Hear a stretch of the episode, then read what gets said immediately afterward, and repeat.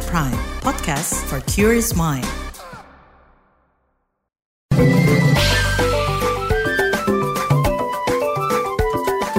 WhatsApp Indonesia.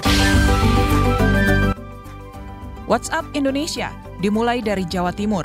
Badan Urusan Logistik atau Bulog Banyuwangi Jawa Timur mendistribusikan beras impor dari Vietnam dan Thailand ke tiga daerah yang mengalami defisit beras. Kepala Bulog Banyuwangi Harisun mengatakan ketiga daerah tersebut yaitu Bali, Nusa Tenggara Timur, dan Bondowoso, Jawa Timur. Untuk total beras impor yang dikirim ke tiga daerah itu mencapai 16.000 ton. Menurut Harisun, tujuan dikirimkannya 16.000 ton beras impor tersebut agar ketersediaan dan stok beras di seluruh wilayah Indonesia dalam kondisi aman dan tercukupi. Kata Harisun, Bali, NTT, dan Bondowoso merupakan tiga daerah yang mengalami defisit beras, sehingga pengiriman beras impor tersebut untuk pemerataan stok. Harisun menambahkan pengiriman beras untuk tiga daerah itu saat ini sedang berjalan – Pihaknya memang membutuhkan waktu lebih agar seluruhnya bisa terkirim sesuai kota yang ditentukan. Kita beralih ke Jakarta.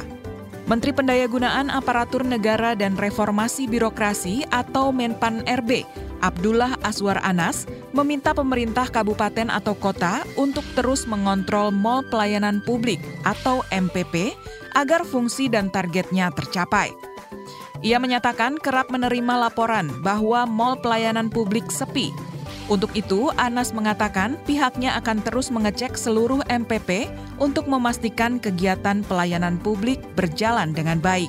Anas mengungkapkan Kemenpan RB setiap minggu melakukan laporan monitoring dan evaluasi soal MPP yang total pengunjungnya terendah dan tertinggi. Kata dia, Kemenpan RB juga akan mendigitalisasi MPP secara bertahap guna lebih memudahkan masyarakat. Menpan RB juga meresmikan 12 MPP yang antara lain berada di Kabupaten Halmahera Utara, Kabupaten Toraja Utara, dan Kota Mataram. Dengan begitu, total MPP yang tersebar di seluruh Indonesia untuk saat ini sudah mencapai 152 MPP. Terakhir, mampir Aceh.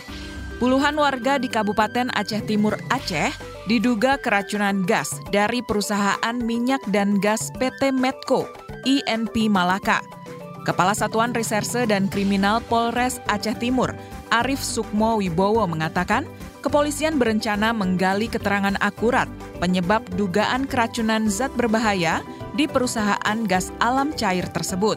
Sementara itu, dalam siaran pers yang diterima KBR, PT Medco INP Malaka telah menindaklanjuti laporan warga terkait dugaan kebauan di sekitar area operasi di Panton Rayek Tengah. Perusahaan sudah berkoordinasi dengan instansi kesehatan setempat untuk memastikan warga mendapatkan perawatan dan penanganan medis secara intensif di Rumah Sakit Umum Daerah Zubir Mahmud.